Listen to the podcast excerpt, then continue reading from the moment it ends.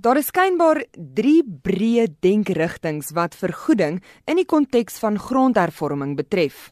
Aldus Crosby. Een wat sê vergoeding markwaarde of so naby as moontlik aan markwaarde. Tweede een wat heeltemal aan die ander kant van die spektrum verteenwoordig is geen vergoeding hoegenaamd nie. En die derde ene is die sogenaamde regverdige en billike vergoeding wat die grondwet voorvoorsiening maak wat iets anders is as markwaarde. Sy sê daar is beslis lesse te leer uit die ervaring van ander lande en die benaderings wat gevolg is ten opsigte van grondhervorming. Dan kan ons howe ook in ag neem wat in ander lande gebeur het en wat die reg in ander lande is. So hulle moet kyk na die internasionale menseregte handvesting. Hulle kan gaan kyk na die reg in ander lande en hoe dit ontwikkel het.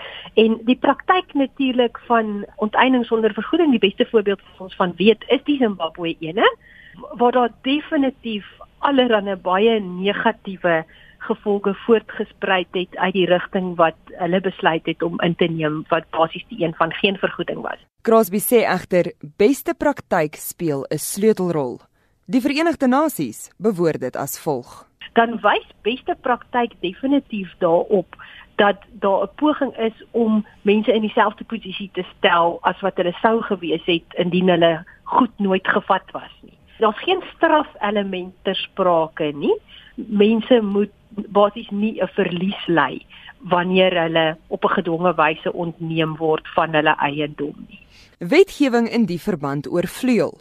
Die grondwet, wet op eiendomsreg en onteieningswetgewing moet in ag geneem word.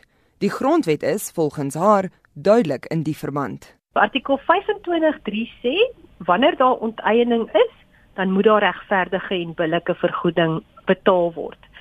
En dan gaan dit verder en sê alle relevante faktore moet in ag geneem word by die berekening van wat regverdig en billik is.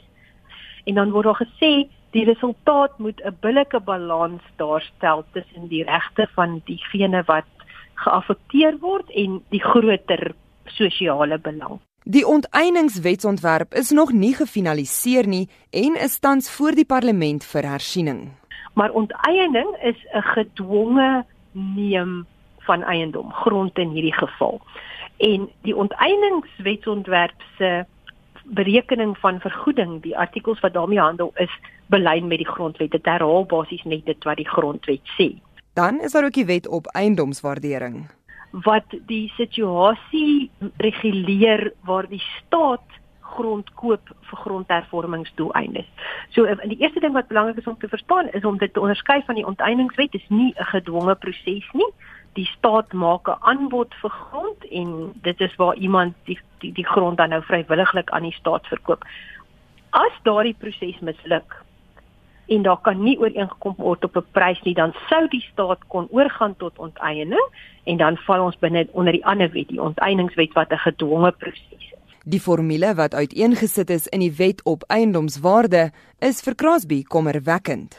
Dit kom basies op neer dat hulle bereken 'n billike gebruikswaarde wat iets anders is as markwaarde. Dit het basies te doen met wat se omsette kan jy realiseer uit 'n stuk grond. En dis tipiese waardasie metode wat gebruik word vir vir besighede vir winkels en goed, nie tradisioneel vir plase nie.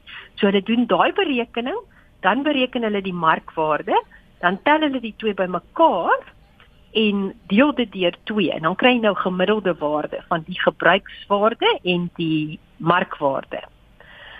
Wat soos wat ons dit verstaan in sekere gevalle heelwat laer kan wees as jou markwaarde. En dan kan hulle verder sekere aftrekkings doen van staatssubsidies en goederes wat gegee is in die verlede wat dan verdiskonteer word met die verbruikersprysindeks om dit by vandag se prys uit te bring.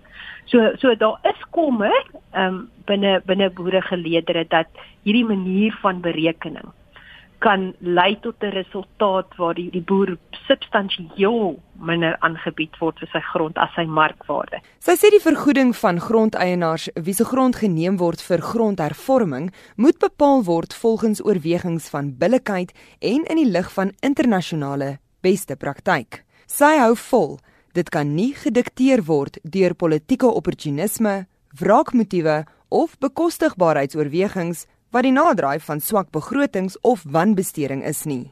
Grondhervorming is in die openbare belang.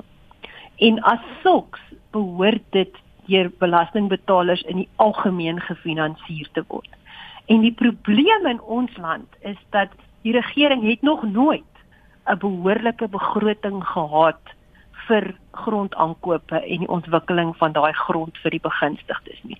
En dit is basies jou probleem. Is nie dat daar nie geld is nie, dit is dat daar nog nooit behoorlik begroot is hiervoor nie. Annelies Crosby is Agri SA se raadgewer oor regs- en grondsake en parlementêre skakeling. Ek is Henri Wondergem vir SAK nuus.